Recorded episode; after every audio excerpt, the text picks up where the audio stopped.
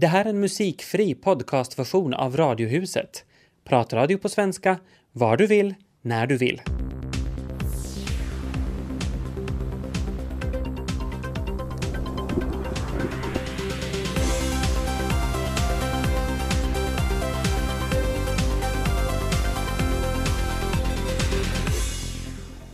Och Radiohuset är tillbaka igen efter helgen. Hej och välkommen! Kulturhus gör stan rikare och ändå är det svårt att få dem att överleva utan en massa frivilligarbete. Vi ska till Kulturhuset Karelia i Ekenäs där Erik Pöysti och Monica Fagerholm funderar på det där med kultur. Allt går att sälja med mördande reklam heter det ju. Men skulle du köpa ett shampoo som använder Hitler som talesman? Nej, verkligen inte. Filippa Sundelin i Vasa och Ami Lassila i Helsingfors. Här inne i Kulturhuset Karelia har jag sett en och annan film i tiderna eftersom vi befinner oss inne i en gammal biografsalong. Berätta nu Erik Mikki Pöysti om historien bakom att biograf Karelia för drygt fyra år sedan blev ett kulturhus. Det var så att den här familjen som fortfarande äger fastigheten som drev biografen i tiden, familjen Stoltz de kontaktade mig redan 2006 om att de kommer att lägga ner den. Och den 13 december 2007 var sista filmen. En månad senare var, var Ekenäs filmfest som nyttjade då Kalla huset. Då satte vi in ett medborgarmöte i filmfestens program och det kom ett 60-tal personer som diskuterade ska vi låta Ekenäs enda stigande läktare stå kall. Och det tyckte ju inte människor så att vi började sen en aktionsgrupp började driva det här och där var i början var, var Niklas Oström och, och Otto Donner och, och undertecknad var, var kanske de mest drivande. Vi sökte då en annan huvudman men, men alla tyckte det var en bra idé men inte jag, sa, sa olika eh, institutioner. Ja, då startar vi en förening och gör det själv. Så att sen startade hösten 2008 så startade vi det här och vi startade stora projekt, ett investerings och ett utvecklingsprojekt och byggde om hela, hela, hela huset och, och började driva upp repertoaren. Och därför har det fortsatt på, på olika sätt, har vi fått lära oss finnen sig ja kantapäin kautta på, på olika sätt liksom, att, att driva det här. Och ju, nu är aktiviteten större än någonsin. Men vi har tagit in olika funktioner, vi har tagit in massor med professionell kultur, vi har äh, amatörkultur, vi har berikat, tror jag, stadens kulturliv väldigt mycket med sådana kulturgenrer eller konstgenrer som, som kanske inte tidigare har fått plats här. Mm, som till exempel? Jazzmusiken.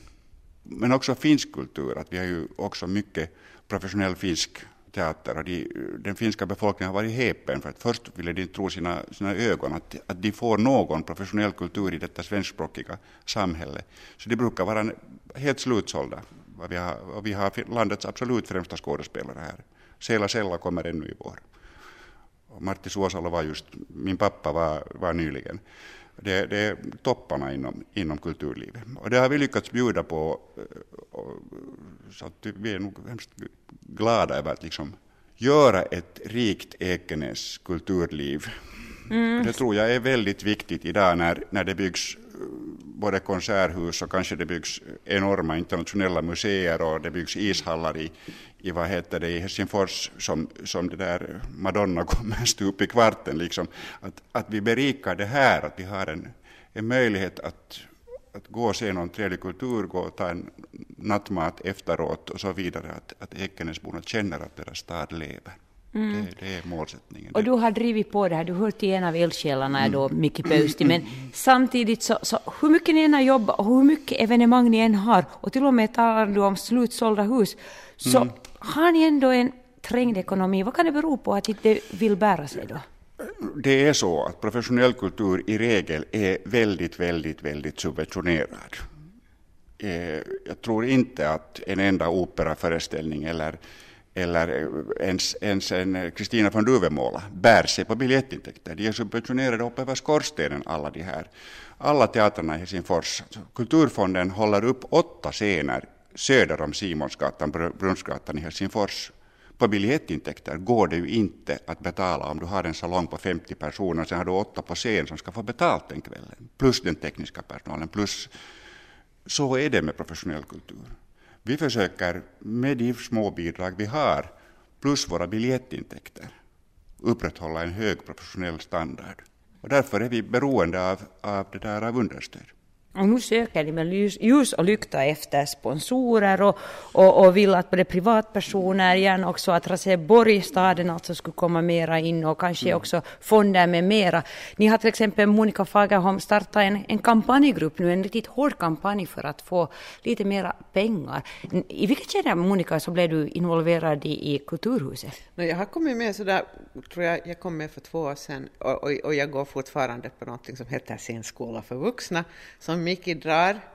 Och jag har fått uh, liksom på något sätt vi då som är i den här, vi har en liten kärgrupp med de här kvinnorna så vi hade väldigt roligt tillsammans och vi gör nu en egen pjäs som vi håller på att skriva på som vi improviserar fram och, och det ska vara en sån här pjäs med då bara kärringar i huvudrollen. Ska det sen bli en föreställning på Karelia? Jo, vi hoppas det. Den heter Lost Primadonnas. och från att du kom med som att du ville som författare kanske lite stå på scen och spela teater då, så, så, så är du nu mitt i allt då med i styrelsen visst för Karelia också? Ja, det, mm. det. Och nu jobbar du för att det ska samlas in pengar? Ja, vi har nu en kampanj, styrelsen startar en understödskampanj som vi alltså nu då, äh, äh, som kommer att gå under det här året som heter Karelia ett, hus, äh, ett kulturhus för alla. Och där är då idén då dels att vi på roliga sätt ska samla in pengar för Karelia genom evenemang det kommer att vara allvarliga saker som seminarier och föreläsningar och sen kommer det att vara föreställningar men det kommer också att vara lite sådana roliga, roliga saker. Mm. Vi vill gärna dyka upp på ställen där man inte tror att den där kulturen liksom finns. Eh, en, en målsättning är ju då, alltså för att tala allvar, att bredda, bredda liksom dels, dels liksom bredda verksamheten ännu mer i riktning mot kulturhus. Det vill säga till i Sverige, det har varit ganska mycket, så där har varje varje lilla stad, eller nu inte varje lilla stad, men ganska många av de här städerna har sitt eget lilla kulturhus och där har du liksom en, en verksamhet som är från det eh, lajdaste laitan, från det ena till det andra och som utnyttjas flitigt av, av liksom, eh, både kulturknuttar eh, och eh, hela, hela vanliga människor. Så att min, min dröm är ju dels att man skulle också kunna mm, till exempel vidga sig, man skulle kunna gå ut på arbetsplatserna och dra dem med. Eh, sen så tycker jag också att, att det finns ju också den här jag bor ju där ute på landet och gift med, med Hilding som, som, som, det där inte är någon kulturknutte och så där och, och att, att, en sån kar som han plötsligt skulle finna sig här. Han gillar lokalhistoria. Mm. Alla de här vi skulle kunna... Jag menar det finns så mycket sånt som vi... Mm.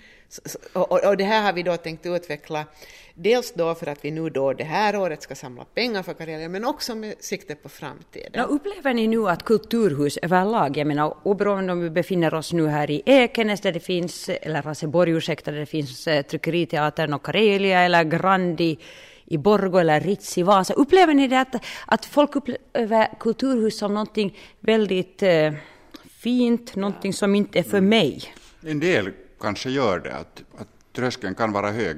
höga. Det, det finns säkert människor, och det är lite roligt att, att det kommer in, kanske inte en varje vecka, men nästan kommer det folk som frågar vad det är för film idag. Att de har inte på fem år ännu märkt att, att biografen inte längre finns. Och folk i Ekenäs ännu inte vet att kulturhuset finns, så det, det känns ju lite otroligt.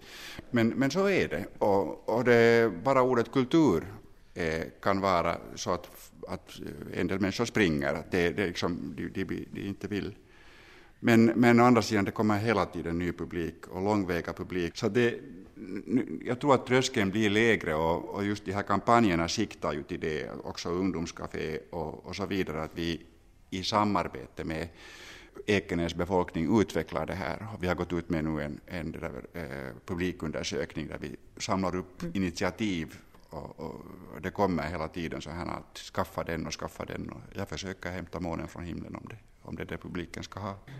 Om ni nu en gång har en eh, ganska trängd ekonomi och, och Micke Pöysti, du är ganska hålögd och, och har slitit på här ganska många år redan, så vad vill du nu säga, varför behövs det kulturhus? Om det skulle kanske vara enklare att bara sätta lapp på luckan? Varför behövs det kultur? Varför behöver vi träffa varandra? Mm. Alltså det, det, är ju det att, att det påstås att, att 40 procent av amerikanska män föredrar eh, sexualitet på datorn. Och det är ganska hemskt om folk har slutat hålla varandra i handen. Att det, det är liksom, att de inte, de inte längre kramar varandra. Det, det, det är ju det att vi har en utveckling där vi, där vi håller på på Facebook och på olika sätt att umgås, men det här mötet av att hej du min gamla klasskamrat, eller jätte vad det var bra, och de där människorna i det här rummet talar till mig just nu. Kultur är direktkontakt. Men jag skulle vilja inflika ännu att Jag tycker det skulle vara jätteolyckligt om det till exempel Karelia skulle tvingas stänga. Alltså det, det var kanske den här frågan om, som, som vi var inne på tidigare, att, vad är, att, att, att, att, liksom att ha folk någon slags fördomar mot kultur. Jag tror att det här paradoxala som liksom är det här då att det, att det finns mycket snofsig kultur i det det vill säga äh, jättefina festivaler och det där fina äh, arenor och sådär. Mm. Äh, och där gör vi det här exklusiva. Och, och, och, på något sätt har en känsla av att det där ibland, och det här paradoxalt när man ser det, det ångvältar sig lite över det här, liksom att va, den här känslan att vad är kultur? Alltså det vill säga, för jag har en känsla av att, att det där, att, eller konst överhuvudtaget, det handlar ju inte om att vi egentligen ska sitta här och beundra, åh vad det där var fint, åh det här är underbart, okej okay, det är en sak alltså. Men utan att, alltså ser vi en bra teater, läser vi en bra bok eller något sånt, så, så, så det är ju den här frågan man ganska fräckt ska kunna fråga, vad har det här med mig själv att göra? Och sen mm. upptäcka att hela världen har, alltså liksom att det har allt med mig själv att göra. Och Monica Fagerholm och Erik Pöst intervjuades av Tina Grönros. Eh, ett turkiskt herrschampo som eh, marknadsförs som att vara ett hundraprocentigt manligt schampo så upprör judar och för den andra också för den delen världen över just nu. Eller kanske inte så mycket själva schampot som reklamen för det. För reklamen visar nämligen en gestikulerande Adolf Hitler som dubbad säger om du inte har på dig en kvinnas klänning ska du inte använda hennes schampo heller. Nej, jag vet inte vad jag ska säga. Alltså har man kommit så här långt att man kan syssla med sådana här saker de, de tror kanske att de är roliga, eller jag vet inte vad de tror, men inte inte låter det så värst bra det där. Nej, det gör du inte. Och man trodde ju liksom att vi kanske hade kommit lite längre nu än, än sådär när vi ändå skriver 2012.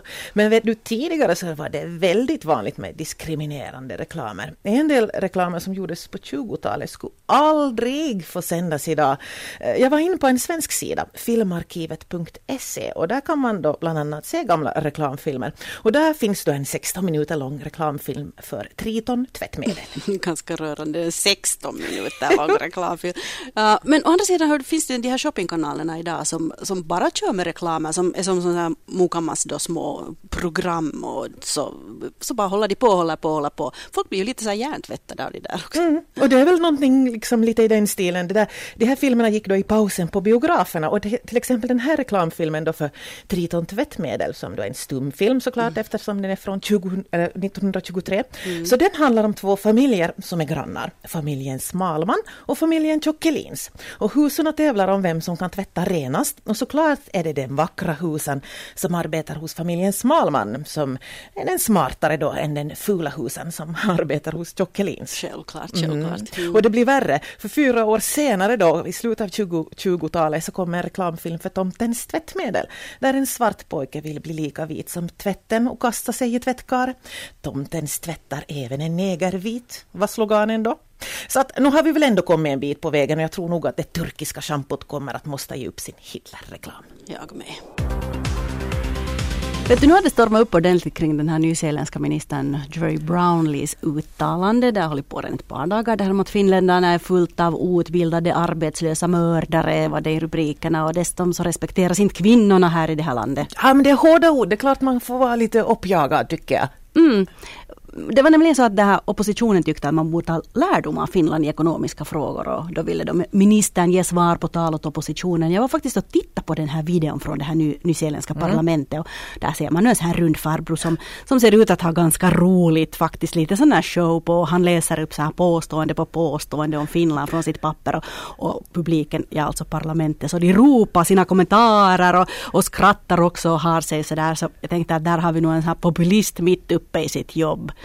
Och faktiskt så inte sa han nu helt sådär att det är arbetslösa mördare utan han sa att mordstatistiken är värre hos, hos oss än hos dem och att arbetslösheten här är högre. Men jag menar sådana rubrik ser ju alltid jätte så mycket bättre ut när man ja. sätter det på det där viset. Men det vet du ju själv, du är ju journalist ja. själv, det säljer ju. No, jo. Och, och, det låter ju lite sådär som våra egna sannfinländare där, låta grodor hoppa lite till höger och vänster och lite sådär populistiskt. Och vet du vad, jag tycker att det piggar upp. För det är ju så tråkigt när politiker alltid är korrekta och säger det man tycker att de ska säga och man vill att de ska säga. Och nu har vi ju något att reta upp oss på, någonting sådär som är utanför vår egen politiska sfär. Någon som angriper oss utifrån och vet du, oj oj oj, kallar oss mördare till och med. Ja, jag tycker nog det såg ut som de skulle ha haft jätteroligt där i parlamentet, mycket roligare än vad de har här. Men det här med oss, vi är ju sådana att vi, ska, vi är så rädda för hur vi ska uppfattas ute i stora världen så därför blir man så här förskräckt. Och nu ska mm. den här ministern se ut alla det utredas och tjycke tjycke. Nåja, han borde kanske ha checkat fakta lite bättre och, och, och sen den här gode ministern så han hade lyckats gräva upp någonting som han kallar för den stora högerledaren Esko Aho. Ja, vem är det? Honom har jag inte hört ta på en tid nu. Det kanske inte den här ministern, kanske hans researcher som, som borde få mm. ett, ja, ett litet potpelle där, man det, borde prata med honom. Ja, det kan hända, men den här stackaren, alltså pressekreteraren till den här ministern, han har nu försökt släta över och säga att nog inte menar han allvar. Och man försöker ju förklara nu för oss upprörda finländare att det där politiska klimatet är helt annorlunda mm. i, i Nya Zeeland. Att där är det helt vanligt, det hör till vanligheten att man släpper sig och, och talar fritt och, och, man kanske säger lite mer än man då från början tänkte och just har lite småroligt som den här runda farbrorn. Mm, men nu som terapiform för oss stackars finländare har nu då kvällstidningarna öppnat möjlighet för läsarna att skicka hälsningar till den här minister Brownlee och mm. berätta mm. på vilket sätt Finland är bättre. Ja, ministern själv, han vill i det här skedet inte längre kommentera det hela. Vet du vad, ibland så är det nog kanske bäst att bara vara tyst. Mm. Var du trött i morse Filippa? Nej, inte mer än en vanlig måndag morgon måste jag säga. Mm. Var du? Äh, nå, sådär, ja, men jag vaknade jättetidigt så var det säkert därför. Men jag tycker att det var en del har faktiskt som gäspade och klagade på det här med, med sommartiden att de inte hade kunnat lägga sig i tid. Men faktiskt så visar statistiken att, att um, det är massa människor som dör i hjärtinfarkt när det blir, hjärtinfarkt när det blir sommartid. Och Ja, det är nog flera tusentals människor i, i, den delen av världen som, som vi lever i som måste ändra på sina klockor. Det sägs ju också, eller ja, man har kunnat konstatera att fler trafikolyckor än annars eh, inträffar måndagen efter övergången till sommartid. Så någonting ligger det väl ändå i det där att man kanske blir lite upp och ner, vet jag. Mm, men jag fattar liksom inte det med att hur kan, hur kan det vara så? Det är bara en timme. För ja. att, hemskt ofta är det så att man sover en timme för lite, ja flera timmar för lite. Jag gör det nästan varje mm. vecka. Men jag vet ju det där å andra sidan att folk som jobbar i skift så de har mera hälsoproblem och fler sjukdomar än andra. Så det påverkar det ju förstås. Och, och den tiden när jag jobbade morgonturer och skulle stiga upp um, tio före fyra några gånger i, i, veckan. Så det var nog inte roligt. Speciellt inte i november. Jag kommer ihåg att det kändes som att stiga upp på en svart kära och försöka släpa upp sig. Uff.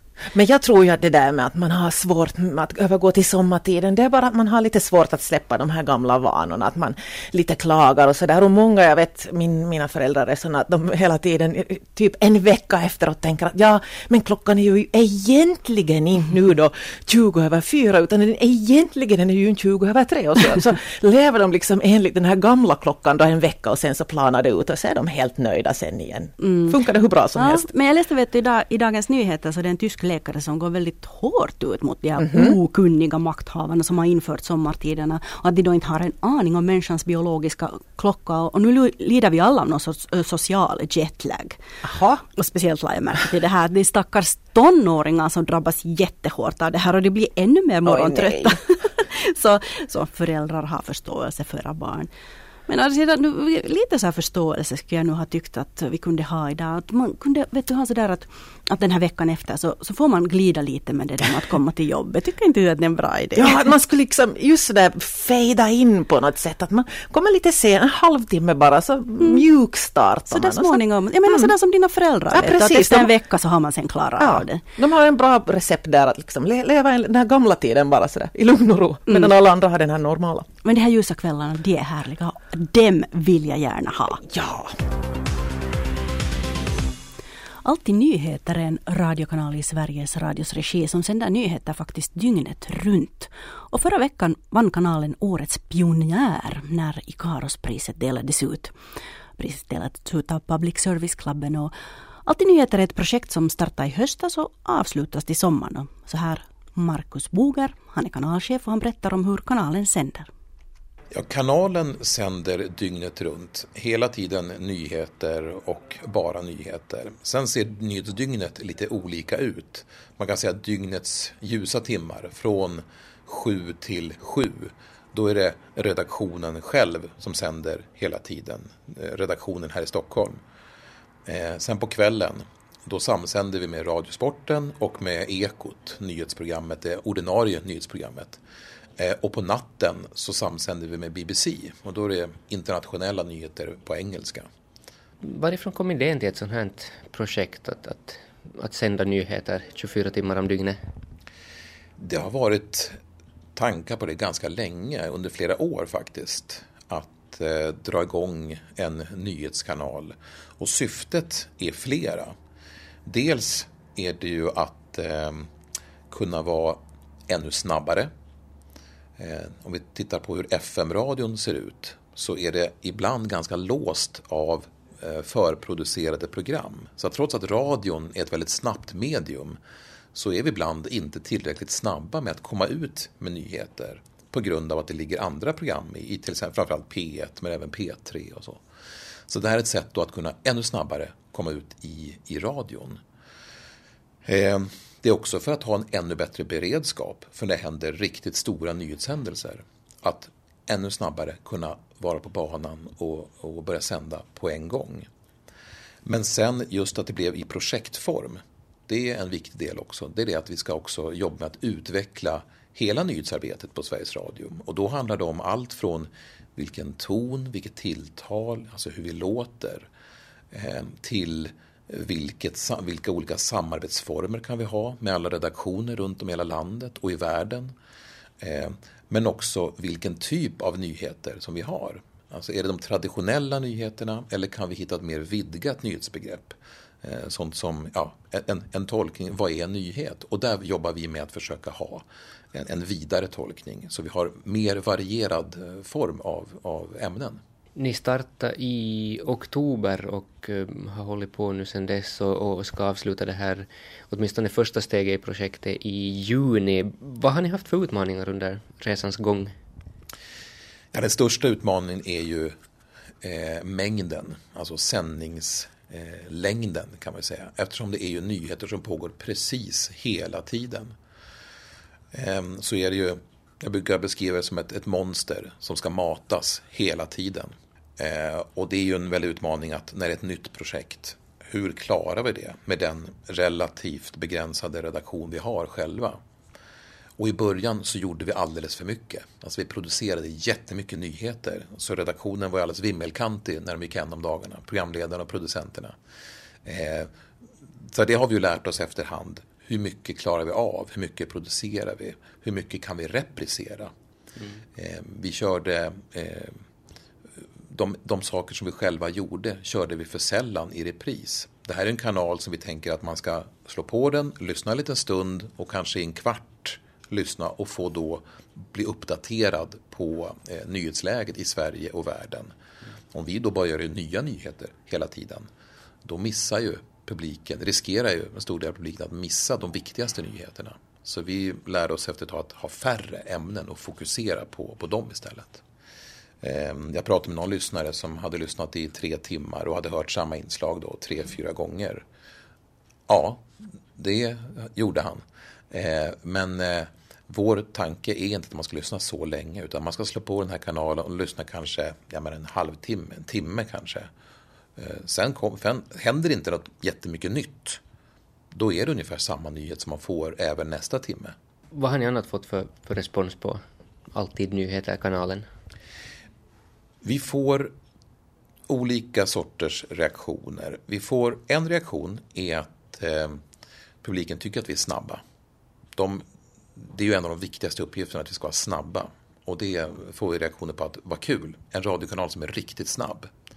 Det andra är att vi har ett, eh, ett, eh, ett, en ton, ett tilltal som är lite mer avslappnat än de traditionella radiokanalerna. Och det är något vi försöker jobba med. Det ska fortfarande vara samma trovärdighet, samma seriositet. Men vi försöker låta lite mer avslappnad, att berätta nyheterna på ett annat sätt än att rapportera nyheter. Och sen också ämnesvalet. Och det kanske är det svåraste, att eh, jobba med att hitta en, en, bred flora av olika ämnen. Men där får vi också reaktioner. De tycker att det är kul att höra den där intressanta teaterpremiären eller det där sportevenemanget eller den där nöjesnyheten. Det får man inte på samma sätt i traditionella nyhetssändningar. Så det är väl de tre delarna som vi får mest reaktioner på. Hur ser du själv på den här tiden när ni har sänt? Är du, är du nöjd så här långt? Ja, men det är jag faktiskt. Ehm, jag tycker vi har på kort tid skapat någonting nytt som jag tror att Sveriges Radio kan ha väldigt nytta av och jag hoppas ju att eh, vi kommer att eh, inom kort ha en nyhetskanal som är, finns permanent också när det här projektet är slut. Ehm, sen finns det alltid saker att slipa på och jobba vidare på men eh, jag tycker att eh, vi har fått igång en nyhetskanal. Vi har hittat eh, en rimlig arbetsbelastning, vi har hittat en form, en ton och så jobbar vi med ämnesvalen att försöka hitta, att inte halka tillbaka i den traditionella fåran utan att behålla det här vida begreppet. Och jag tycker det går ganska bra. Hur gör ni då de dagarna som det faktiskt inte händer någonting, när det är riktigt nyhetstorka? Hur, hur jobbar ni då? Ja, men det är som du säger, de dagarna är ju svårast. Eh, när vi märker att vi är som bäst, det är ju vid heta nyhetslägen. När det är mycket som händer eller när det är någonting väldigt stort som händer. Då kan vi ju bara gasa på det här ämnet. Det är det vi bara fokuserar på. Men visst, en grå dag i november när ingenting händer, då, då är, blir det ju svårare. Men det finns nyheter. Vi har gjort undersökningar på hur många nyheter som Sveriges Radio producerar varje dag. Och eh, vi gör ungefär 500 nyheter varje dag runt om i hela landet. Då är de lokala kanalerna inräknade, eh, utrikeskorrespondenterna, nischredaktionerna, eh, kultursport. Ehm, alla de är ju förstås inte intressanta och relevanta för en bred publik. Men nog finns det nyheter att ta av. Men visst, vissa dagar är mer intressanta än andra. Men det blir aldrig tyst. Det finns liksom ingen risk för att eh, nu tar nyheterna slut. Utan det blir en annan ribba bara. Då blir det kanske man får vara lite mer kreativ. Man får försöka tänka lite bredare och, och acceptera också att idag var det inte lika hett nyhetsläge. Det sa kanalchef Markus Boger på Sveriges Radios Alltid nyheter. Och hur framtiden ser ut för kanalen, det är ännu oklart. Johan Lindholm var reporter här. Imorgon så blir det sändning från Åbo då träffar vi en ensamboende och det finns faktiskt över en miljoner enpersoners hushåll i Finland och de blir hela tiden fler. Och de får ju lov att betala mer för tidningar och tvättmaskiner och allt sånt jämfört med ett par som kan dela på kostnaden. Och Facebook och vårt beroende av det ska vi också prata om för det lär bli bara värre det med. Mm. Nu blir det strax Aktuellt 17. Eh, Ami och Filippa säger tack för idag. Vi hörs. Vi hörs. Det här var en musikfri podcastversion av Radiohuset som sänds i Radio Vega måndag till torsdag. Mer information om programmet hittar ni på svenska.yle.fi radiohuset.